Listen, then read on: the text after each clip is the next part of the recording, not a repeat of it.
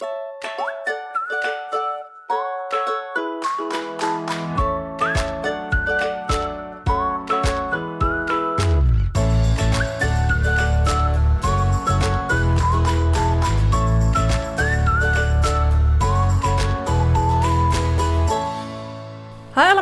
welkom bij een nieuwe aflevering van de Wat ik wou dat ik wist podcast. De podcast waarin ik deel wat ik wel eerder had willen weten en verhalen vertel waar jij je als twintiger hopelijk in herkent.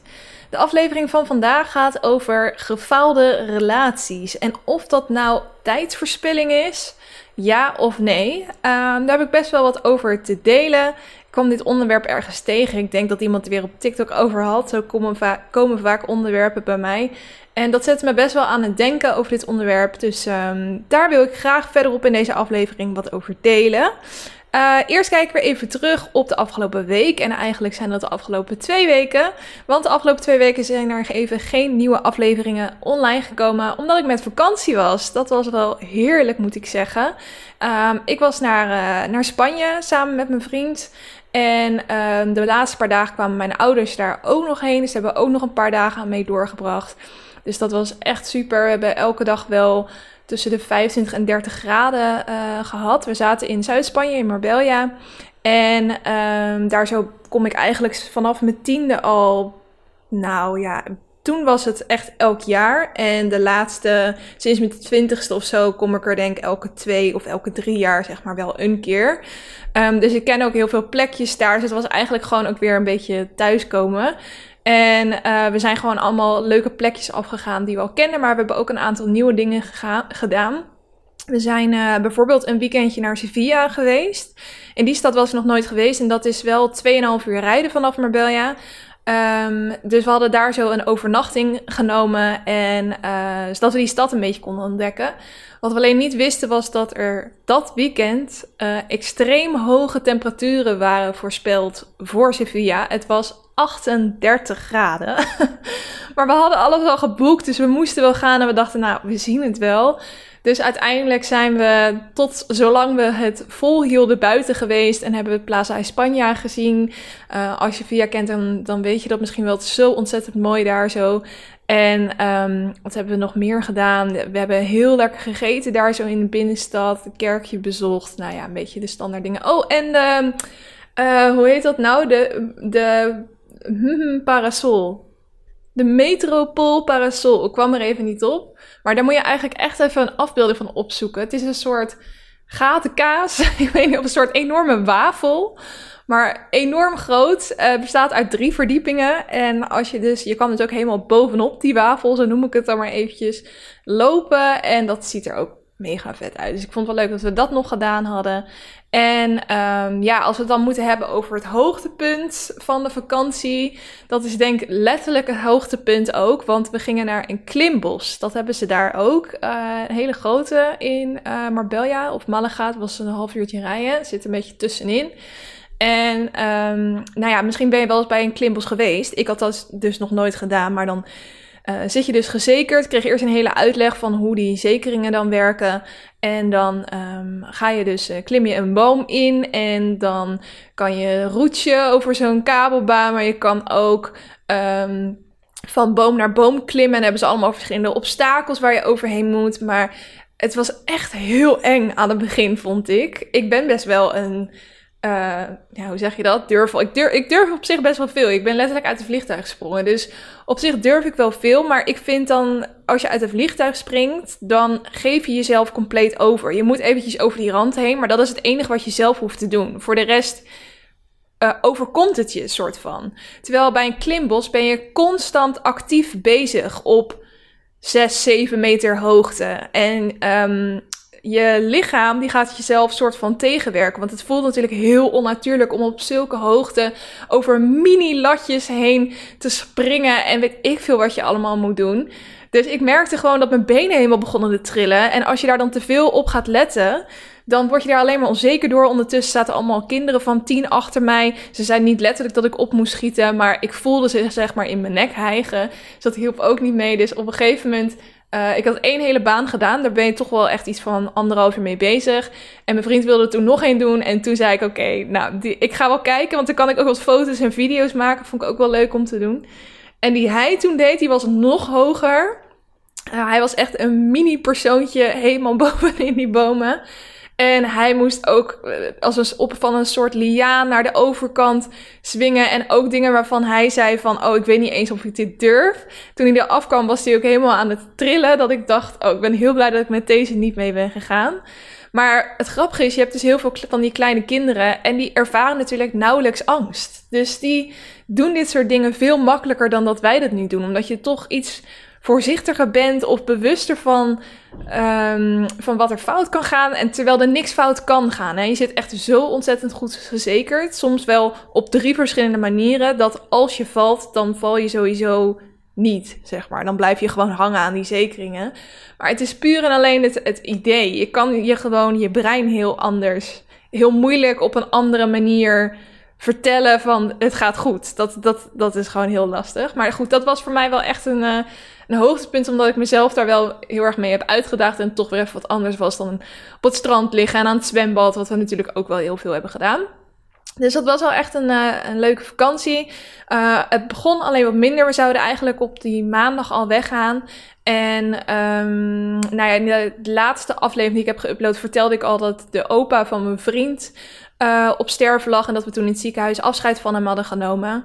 Dat was op maandag. Uiteindelijk is hij die donderdag overleden. En was er de maandag daarop een condoliance. En de dinsdag een um, uh, crematie met dienst, et cetera. Dus ja, daar wilde natuurlijk wel bij zijn. Dus we hebben uiteindelijk onze reis een paar dagen verzet. Dus we zijn in plaats van maandag op woensdag weggegaan. En ja, maandag en dinsdag was dus nog heel raar. Want je zit al met je hoofd deels bij die vakantie en wat je daar allemaal voor moet inpakken. Maar ondertussen ben je ook van een heel belangrijk iemand afscheid aan het nemen en wil je daar ook eigenlijk al je aandacht in stoppen. En ondertussen was het gewoon een normale maandag en dinsdag en kreeg ik ook nog allemaal mails en dingen van werk. Dus ik vond dat waren hele rare dagen voor mij om mijn aandacht te verdelen. Uh, maar goed, het was wel een ontzettend mooie dienst. Um, mijn vriend en zijn uh, neefjes en nichtjes en zussen, die hebben ook nog een mooi woordje gedaan tijdens de dienst. En uh, ja, het is allemaal heel mooi uh, afgesloten. En hij was ook al echt op leeftijd. Hij uh, was 94 jaar. Dus het is goed zo. En, uh, maar ik weet niet, ik vind dat het toch altijd wel de heftigere dingen van het leven. En vooral hoe dat soort dingen naast elkaar kunnen bestaan. Want zijn, hij krijgt dan ook een achterkleinkind in september, die hij dan net niet heeft gezien. Dan heb je ook weer zoiets moois als een nieuw leven begint, terwijl een ander leven weer eindigt. Um, ik kan daar dan best wel mee in mijn, in mijn hoofd gaan zitten. En dat gecombineerd met het oppervlakkige van een vakantie naar Spanje, dat, dat, nou, ik weet niet, het ging niet helemaal goed in mijn hoofd. Ik was dat gewoon alleen maar overuren te draaien in mijn hoofd die dagen. Maar toen ik eenmaal in vakantie, op vakantie was in Spanje, toen uh, had ik het weer helemaal naar mijn zin en was ik helemaal chill. Dus dat eigenlijk over uh, mijn afgelopen twee weken. Um, er is natuurlijk ook een hoop uh, gebeurd qua uh, celebrities, qua nieuws. Dus daarom gaan we nu door naar het lekker loeren blokje, waarin ik op een luchtige manier uh, de week met je doorneem in de zin van het leven van celebrities. Um, ik zeg luchtig, dat is eigenlijk hoe, altijd hoe ik dit blokje omschrijf, maar er is wel degelijk wat met een BN'er gebeurd afgelopen twee weken. Maar luchtig is dat zeker niet. Um, want Peter R. de Vries is natuurlijk neergeschoten en uiteindelijk ook aan zijn verwondingen overleden. Uh, vlak bij het Leidseplein. Nou, dit nieuws kan je natuurlijk niet zijn uh, ontgaan. Wij zaten toen in Spanje toen het gebeurde. En nou, ik, wist echt niet wat ik meemaakte. Ik vind het altijd heel raar om um, bij dit, dit soort dingen live mee te maken. Dat je de beelden op Twitter ziet. En op een gegeven moment waren er ook nog achtervolgingen naar de verdachte door de politie. En dat zag ik dan ook weer beelden in WhatsApp-groepen van voorbij komen. En het voelt gewoon heel raar om dat soort dingen gevoelsmatig live mee te maken, weet je wel. En ook überhaupt natuurlijk dat iemand gewoon op klaarlichte dag vlakbij het Leidseplein wordt neergeschoten. Uh, ik vond het echt insane. Ik weet ook nog wel, toen was ik heel klein, maar met Theo van Gogh en met Pim Fortuyn, die zijn natuurlijk ook neergeschoten. Um, dat zet gewoon heel Nederland in rep en roer. En um, ja, ook alles wat je nu op tv erover voorbij ziet komen. Ik vind het gewoon heel naar dat het de mensen die het op hem gemunt hadden, is gelukt. Dat hij ook daadwerkelijk is overleden ik had stiekem de hoop, aangezien het nog best wel lang duurde, um, dat hij ook nog in het ziekenhuis lag. Dat zag ik eigenlijk een beetje als een goed teken van oké, er, valt dus nog iets te redden. Ehm, maar uiteindelijk bleek dat dus niet zo te zijn en is hij overleden. Op het moment dat deze podcast uitkomt, op woensdag 21 juli, dan is er ook een eh, soort afscheidsdienst bij uh, Carré. Er kan iedereen langskomen van 11 uur s ochtends tot 8 uur s avonds. En um, ik denk dat zijn kist daar dan dicht staat. Dat je daar dan langs kan lopen om toch een bepaalde manier afscheid van hem uh, te nemen. Dus dat vind ik wel een heel mooi iets. En volgens mij is er op donderdag nog een besloten uh, dienst. Um, maar ja, ik ben er ook wel mee bezig geweest met dit nieuws. En ik denk heel Nederland uh, wel. Het is natuurlijk verschrikkelijk dat zoiets zomaar kan, kan gebeuren. En ik denk dat we hier nog wel meer over ja, gaan horen. En dat er documentaires over gaan komen. En I don't even know. Um, iets anders wat afgelopen week ook is gebeurd, is de finale van het EK. Ik weet nog dat ik toen uh, um, de finale zat, de halve finale zat te kijken tussen Spanje en Italië volgens mij. En toen hoopte ik dus heel erg dat Spanje zou winnen. Omdat dat zou betekenen dat dan uh, de finale van uh, Spanje, die wedstrijd, dat, die dan, dat we op dat moment ook in Spanje zouden zitten. Dus als zij dan zouden winnen, zou dat natuurlijk één groot feest zijn geweest daar. Dat was helaas niet het geval, maar uiteindelijk natuurlijk wel de wedstrijd gekeken vanuit Spanje. Uh, en Italië heeft gewonnen. Italië is wel lekker bezig. Eerst het uh, Songfestival en nu dit. En volgens mij hadden ze ook nog allemaal andere dingen gewonnen. Ik zag zo'n heel lijstje voorbij komen over waarom Italië het winnende land van 2021 is. Nou, ik gun het ze ook wel hoor. Ik, vond die echt die uitbundige video's uit dat land om te zien fantastisch. Maar we zaten ondertussen ook uh, uh, in een WhatsApp-groep te appen met mijn familie. En een deel van mijn familie uh, zit in Engeland of is Engels. mijn oom die is op jonge leeftijd ooit vertrokken naar Engeland en heeft daar zo nu een gezin. En die wilde natuurlijk heel graag dat Engeland ging winnen. Dus ik gunde het hun ook wel. Maar iemand zei ook, mijn vriend zei dat, van ja, ze zijn uit de EU. Dus uh, dan mogen ze dit ook niet meer winnen. Het is eigenlijk nu gewoon Europa tegen Engeland. En dan moet Europa winnen. dus dat snapte ik ook wel weer. Ik vraag me wel af of ze volgende keer dan nog mee mogen doen. Want ik denk dat dit allemaal al ging lopen op het moment dat de Brexit er nog niet volledig doorheen was. Maar nu dat wel zo is, dan mogen zij eigenlijk dus niet meer met het EK meedoen. Maar ja, dit heb ik nog niet uitgezocht verder. Geen idee of dat zo is. Volgende nieuwtje. Uh, Ronnie Flex, zijn vriendin Demi de Boer, is zwanger. En dat betekent dus dat hij zijn tweede kindje gaat krijgen. Een meisje wordt het, dus zijn tweede dochtertje. En um, ja, best snel. Volgens mij hebben ze nog niet super lang een uh, relatie. Maar het gaat blijkbaar heel goed. En uh, zij krijgen dus samen een kindje. Demi de Boer is natuurlijk de dochter van Ronald de Boer. En um, dus was iedereen natuurlijk heel erg benieuwd hoe hij op dit nieuws zou reageren. En dat is ook naar buiten gebracht. Hij had blijkbaar direct gezegd dat hij super blij voor ze, voor ze was, et cetera. Eigenlijk de reactie die een vader natuurlijk ook hoort te geven. Al weet ik niet of als hij een keuze had mogen maken qua partner voor zijn vriendin, of die dan ook, of Ronnie Flex ook zijn eerste keuze was geweest. Daar heb ik toch een beetje mijn vraagtekens bij. Maar goed, ik, ik ben wel echt fan van Ronnie Flex. En ik vind het wel heel schattig dat ze nu één krijgen. Ik vond het ook wel grappig. Ik zag dat in een interview dat hij had gezegd dat hij stiekem wel had gehoopt dat het een jongetje zou worden. Omdat hij dan heel erg geloofde dat dat de voetballer, uh, de nieuwe voetballer zou worden, zeg maar. Um, maar dat kan natuurlijk ook nog gewoon als het een meisje is. Hè, jongens? We leven in 2021. Kan allemaal. Tot slot, laatste nieuwtje. Paris Hilton krijgt een eigen kookserie op Netflix, Cooking with Paris. Vond ik best wel een grappig nieuwtje om toch eventjes mee te nemen.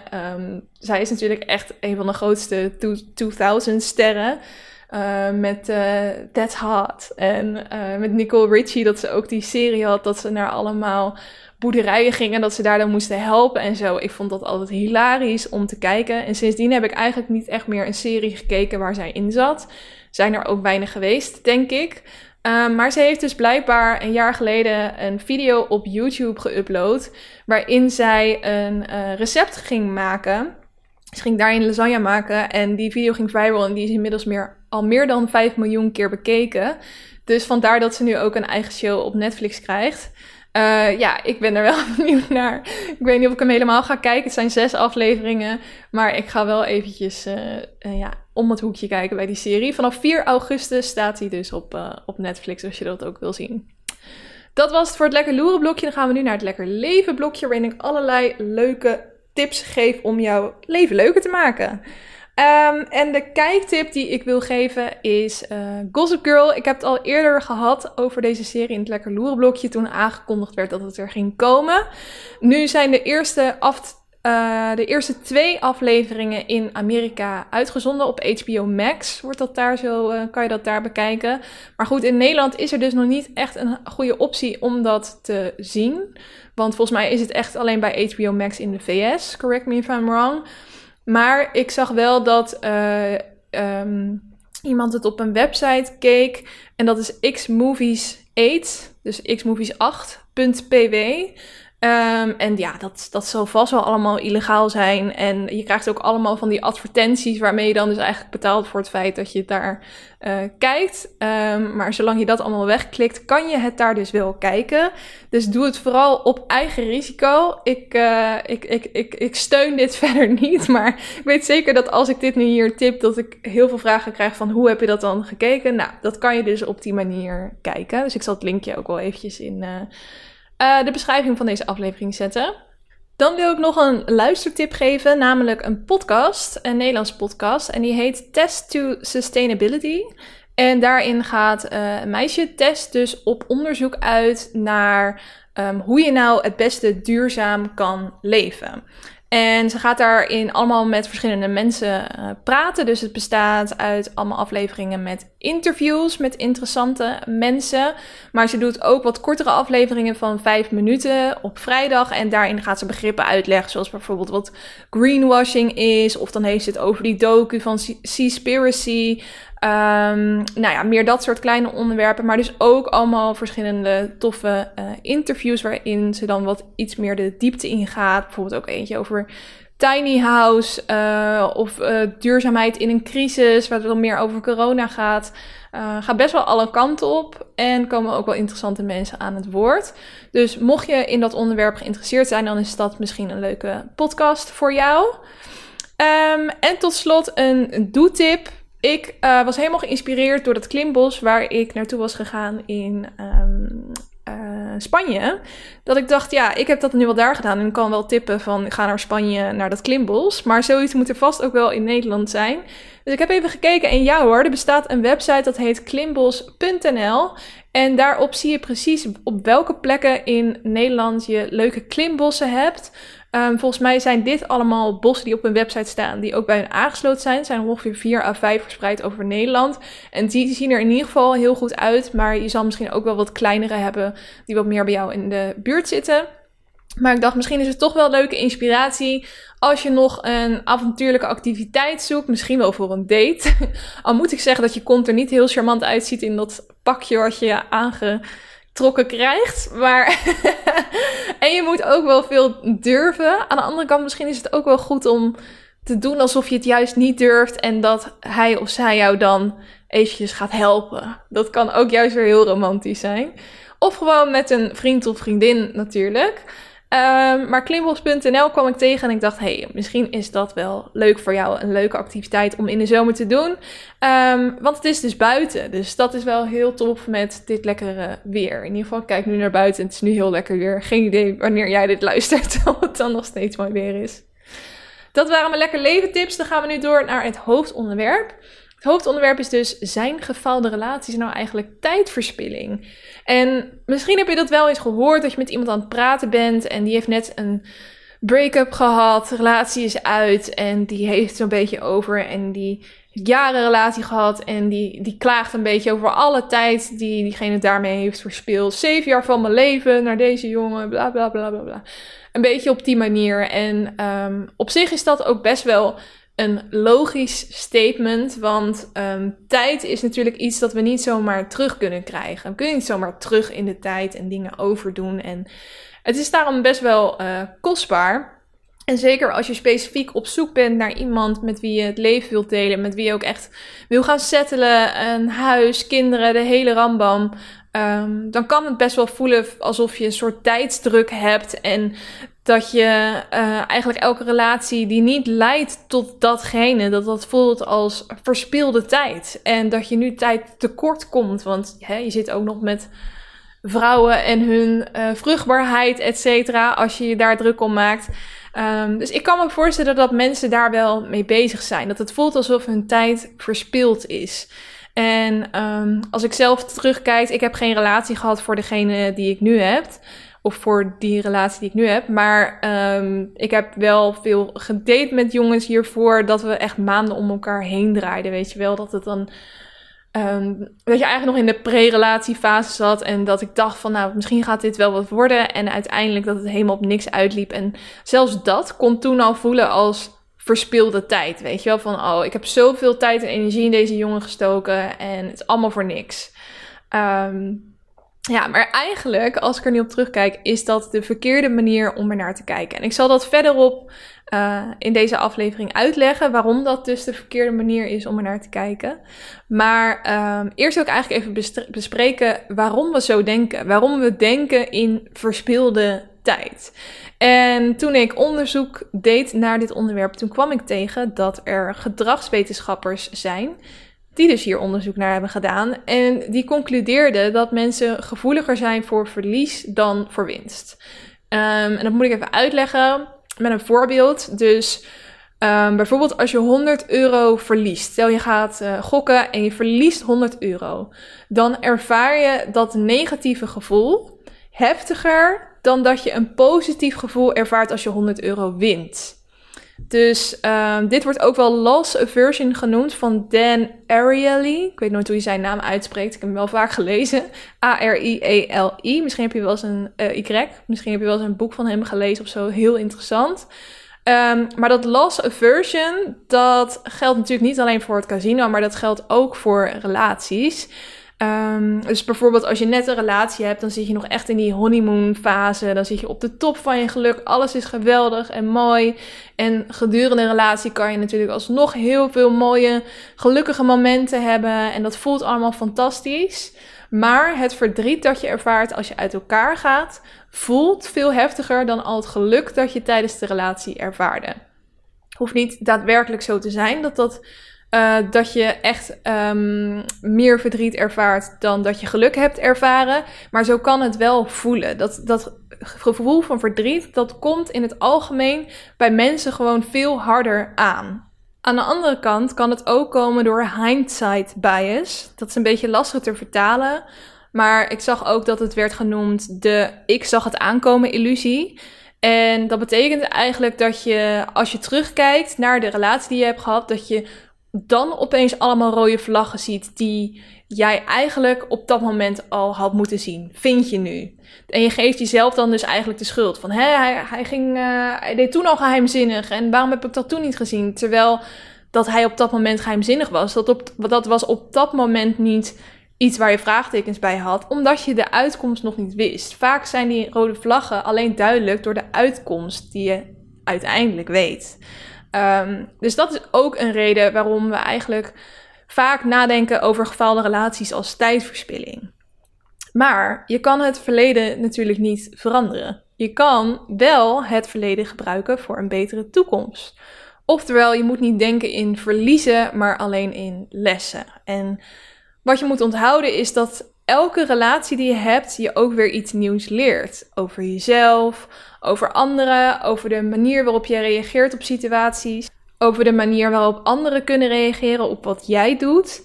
Um, er is hier ook een hele mooie quote over. Misschien ken je hem wel. Ken je hem wel? Hij is Engels, dus begin gelijk Engels te praten. People come into your life for a reason, a season or a lifetime. En ik vind die altijd wel heel mooi.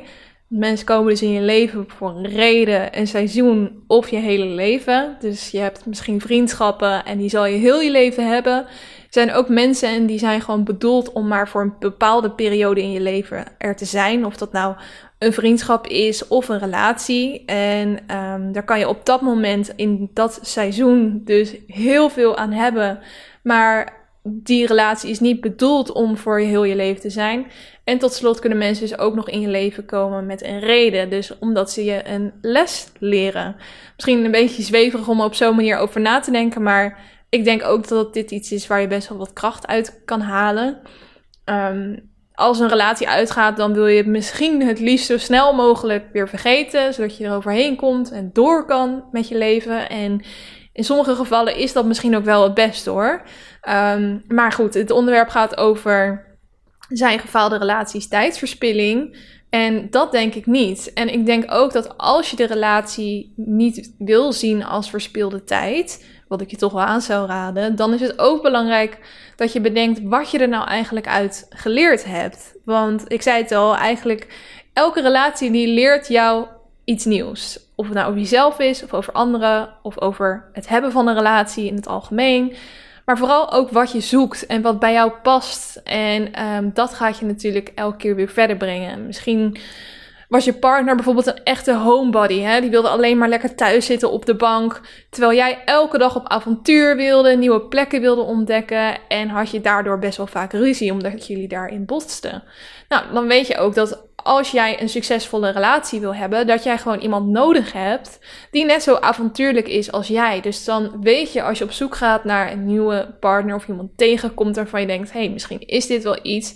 Dat dat een uh, belangrijk iets voor jou is. En dat je dan daarnaar kan vragen of kan uitvinden of diegene ook net zo avontuurlijk is als jij. Bijvoorbeeld meenemen naar een klimbos en kijken hoe diegene daarop reageert. Um, of misschien haalden jullie in discussies altijd wel het slechtste in elkaar naar boven. En is het dan wel interessant om te achterhalen wat nou voor jou altijd de trigger was in dat soort situaties waardoor die situatie ook elke keer weer escaleerde. Want vaak is het ook de manier waarop mensen dingen zeggen, of um, dat jij eigenlijk had verwacht dat diegene heel anders had gereageerd, dat dat ook wel iets zegt over wat voor waarden jij hebt en wat voor waarden die andere persoon heeft. En wat jij dus belangrijk vindt bij een volgende relatie, dat diegene heeft als waarde. Dat het juist overeenkomt. Of dat je juist iemand zoekt die heel anders is als jij. Uh, meer een soort yin-yang uh, situatie. Maar door op dat soort dingen terug te kijken, kan je dus heel veel lessen achterhalen eigenlijk. En het kost ook wel een stukje ego, want dat betekent ook dat je objectief moet kunnen reflecteren op je eigen keuzes, op je eigen reacties. Dat je misschien ook weer herinneringen moet ophalen die niet per se fijn zijn. Um, en het is natuurlijk heerlijk om met vriendinnen te klagen over wat, over wat voor een eikel hij was, wat hij allemaal misdaan heeft. En ik zou ook zeker dat lekker doen met een fles wijn op tafel. En uh, als dat zeker in het begin, als, als je merkt dat dat je helpt, doe dat ook vooral. Maar op de lange termijn schiet je daar natuurlijk weinig mee op als je in dat soort frustraties en boosheid blijft hangen. Want als je niet leert van je vorige relaties, dan zul je ook minder goed snappen waar jij dan behoefte aan hebt in een nieuwe relatie. En als jij er niks van hebt geleerd, dan is er ook een kans dat jij in precies zo'nzelfde nieuwe relatie stapt en dan aan het eind weer denkt: Jezus, waar is het in godsnaam fout gegaan? Wat een verspilde tijd weer. En zo kan je dus elke keer weer dezelfde fout blijven maken, omdat je niet hebt achterhaald waar het nou misging, waar het aan lag en wat je ervan hebt geleerd voor de toekomst. En waardoor je weer de verkeerde partners kiest. En dat is naar mijn mening wel echt tijdverspilling. Als je van ervaringen uit het verleden niet probeert te leren. Um, dit is ook wel een interessante quote. Uh, Edison die werd een keer gevraagd hoe het voelde om duizend keer te falen toen hij de gloeilamp probeerde te maken. Want die heeft hij natuurlijk uiteindelijk uitgevonden. Maar dat heeft best wel even geduurd voordat hij erachter kwam hoe dat dan moest. Dus ze zeiden van, nou, uh, duizend keer gefaald, hoe voelde dat? Toen zei hij, ik heb niet duizend keer gefaald. Ik heb alleen duizend verschillende manieren gevonden die niet werkten. Um, dus oftewel, dat is ook een mooie manier om er naar te kijken. Elke keer dat je faalt, tussen aanhalingstekens, werk je toe naar hetgene wat wel werkt. Dus juist door die gefaalde relaties tussen aanhalingstekens, weet jij van oké, uh, relatie 1, daar ging dit mis. En daardoor heb ik geleerd dat dit niet werkt en dat dit wel degene is die ik zoek. Relatie 2 was wel de juiste persoon, maar um, we hadden de verschillende belangen of uh, verschillende waarden. En ik zoek juist iemand die heel avontuurlijk is, et cetera, et cetera. En zo kan je eigenlijk steeds dichterbij komen bij wat nou echt bij je past, wat jouw levenspartner zou moeten zijn. En um, ja, kan je bijna een soort checklist gaan opstellen. Betekent natuurlijk niet dat als je iemand tegenkomt en er verschilt iets uh, aan die checklist, dat het dan helemaal niet kan werken. Maar ik denk wel dat het je verder kan helpen. Niet alleen om jezelf te leren kennen, maar ook gewoon wat jij belangrijk vindt in het leven. Ehm, daarnaast is het natuurlijk makkelijk om na een break-up te vergeten dat er ook heel veel mooie momenten zijn geweest in je relatie. Ik noemde net al de situatie dat je dan aan tafel zit met vriendinnen na een break-up en dat je dan lekker gaat spuien en klagen en alles benoemt wat hij fout heeft gedaan en hoe hij jouw pijn heeft gedaan. Of zij, hè, laten we het inclusief houden. Ehm, maar dat je eigenlijk vergeet dat er ook heel veel momenten zijn geweest waarop je echt drol gelukkig was. Momenten waarop je echt liefde met diegene voelde. En hoe mooi is het dat je dat ook op dat moment hebt kunnen ervaren.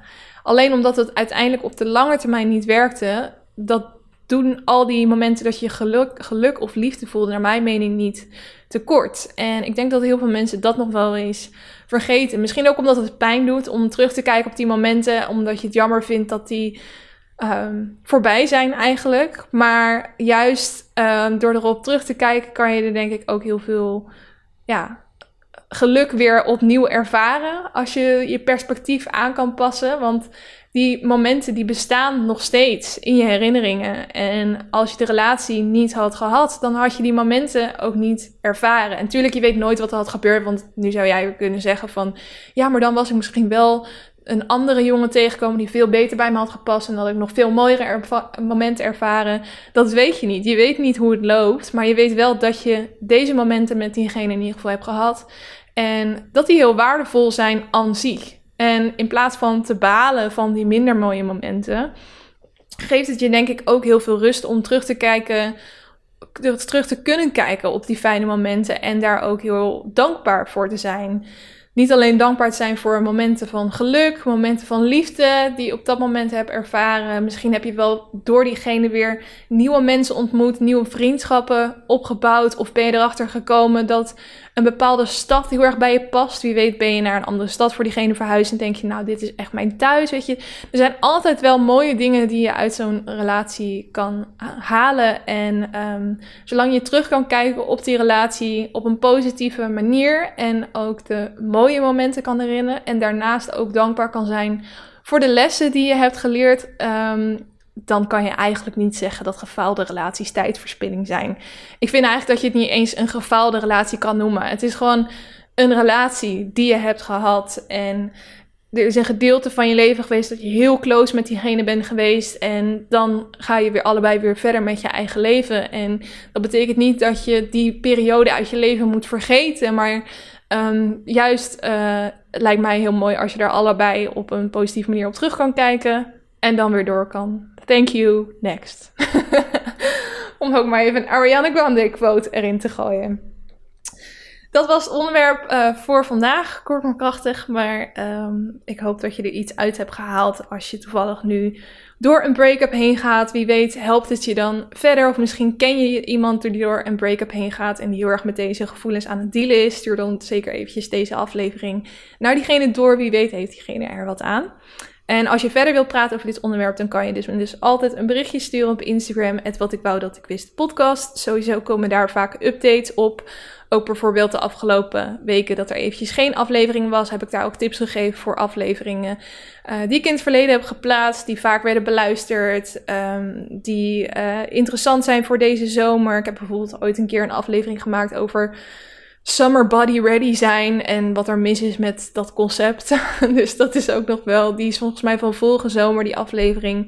Maar dat is ook heel relevant om deze zomer nog eventjes te luisteren. Dus dat soort dingen komen uh, op dat Instagram-account voorbij. Dus wie weet leuk om te volgen. Staat ook een leuke vakantiefoto op trouwens. um, en dan tot slot wil ik nog eventjes de challenge met jullie doornemen. In de maand juli um, doe ik een challenge waarbij uh, ik elke dag een foto neem en dan een tekstje erbij zet met waar ik dankbaar voor ben. En dat zet ik dan in een uh, app. En daarmee, ik zal eventjes opzoeken wat de app is. Volgens mij heb ik dat in de vorige aflevering namelijk nog niet verteld. Dat is de app Day One. Dus um, je spelt het eigenlijk, ja, Day One en One schrijf je dan uit. Dan zou je hem wel moeten kunnen vinden uh, in de App Store. En daar kan je elke dag een uh, fotootje uploaden, een tekstje. Hoeft niet per se een foto bij, kan ook alleen tekstje zijn. En dan zie je ook hoeveel streaks je hebt, hoeveel dagen achter elkaar je dat al volhoudt. En volgens mij heb ik dit wel verteld. Ik krijg opeens een flashback. Sorry als ik het al heb gezegd. Maar in ieder geval, day one, daar hou ik het in bij. Je kan ook de app Pick Your Moment downloaden, dan krijg je elke dag een uh, notificatie en die swipe je open en dan moet je direct een foto maken. Maar ik vond het wel leuk om achteraf eentje te kunnen uploaden. Dus dat zijn wel toffe apps om daarmee ja, je dagen een beetje bij te houden. En het doel van deze challenge was om um, een beetje stil te staan bij uh, mooie momenten van die dag en te bedenken waar je dankbaar voor bent. Alleen uh, op vakantie ben ik wel compleet verslapt, moet ik eerlijk toegeven. Ik heb eigenlijk daar zo in het moment gezeten dat ik ook niet echt behoefte had aan nog een extra dankbaarheidsmomentje in de dag. En daarom ben ik het ook maar niet gaan forceren, want dat voelde ook niet helemaal chill. Al vind ik het wel jammer dat ik nu dus niet een volledig boekje kan maken. Want dat was het idee dat ik aan het eind van de maand dan een boekje van de maand juli maakte. Met dan van elke dag een fotootje en een tekstje. Uh, maar misschien moet ik er gewoon een sporadische challenge van maken. Dat juist ik gewoon af en toe een mooi moment registreer. In plaats van dat ik er een dagelijks klusje uh, van maak. Dus ik ga de challenge zeker doorzetten. Maar dan mezelf niet uh, iets opleggen in die zin, zeg maar. Um, maar als jij het wel aan het doen bent, of met mij deze challenge in jullie aan het doen bent, dan uh, vind ik dat zeker leuk om te horen. En wie weet kunnen we wat leuke dingen uitwisselen. Dus mag je ook altijd een DM oversturen. Dan tot slot over de aflevering van volgende week. Ik ga weer een kwesties met Kelly uh, maken. En dat betekent dat ik jou als luisteraar advies kan geven over een dilemma waar jij over zit. Denk aan Um, moet ik terug naar mijn ex? Hoe verbreek ik een vriendschap? Hoe kies ik waar ik ga settelen? Dat waren dingen die in de vorige editie voorkwamen. Maar als jij dus um, op dit moment met een vraagstuk zit en het lijkt je heel chill om daar advies over te hebben, dan kan je dat soort dingen dus naar mij in de uh, DM op Instagram sturen. En dan ga ik mijn best doen om daar zo goed mogelijk advies over te geven. Ik pretendeer niet dat ik een of andere expert ben op wat voor gebied dan ook, maar ik vind het wel heel leuk om altijd met vriendinnen uh, over dit soort dingen te hebben. Om mijn beste advies wat ik heb te geven. En wie weet kan ik dat ook voor jullie doen. En kan het ook interessant zijn als luisteraar zijnde om te horen waar andere twintigers mee dealen. En um, hoe ik daar eventueel tegenover uh, kijk. Dus um, als jij daar een kwestie voor hebt, DM die dan eventjes naar mij voor aanstaande dinsdag het liefst. En als je me afgelopen maand al een uh, DM hebt gestuurd of even, even kijken hoor. De laatste was 29 april. Dus als je mij na 29 april nog een kwestie hebt gestuurd via DM, stuur me dan nog eventjes een berichtje zodat ik hem weer zie. Want ik ben bang dat ik hem anders misschien ben kwijtgeraakt in de DM's die ik allemaal heb. En dan uh, weet je in ieder geval zeker dat ik hem uh, meeneem in de volgende aflevering. Nou, daar heb ik in ieder geval heel veel zin in. Ik ben heel erg benieuwd naar jullie kwesties. En ik vind nog steeds een leuke naam. Die hebben jullie met mij bedacht trouwens op Instagram. Want ik gevraagd hoe ik het moest noemen. En daar kwam uiteindelijk kwesties met Kelly uit. um, ik wens je weer een fantastische week toe met alles wat je gaat doen. Misschien ga je wel op vakantie. Volgens mij begint nu ook, is officieel de vakantie uh, begonnen. Uh, misschien blijf je lekker in Nederland. Hier wordt het volgens mij ook mooi weer. Ik ga morgenavond als het goed is varen. Ik hoop dat het door kon gaan. Afgelopen keer dat we zouden gaan varen, toen uh, kapt het bootje er uh, opeens mee. Dus dat was minder. Hopelijk gaat dat deze keer goed. En ja, maak er gewoon weer een topweek van. En dan hoop ik dat je er volgende week ook weer gezellig bij bent. Oké, tot dan. Doei doei.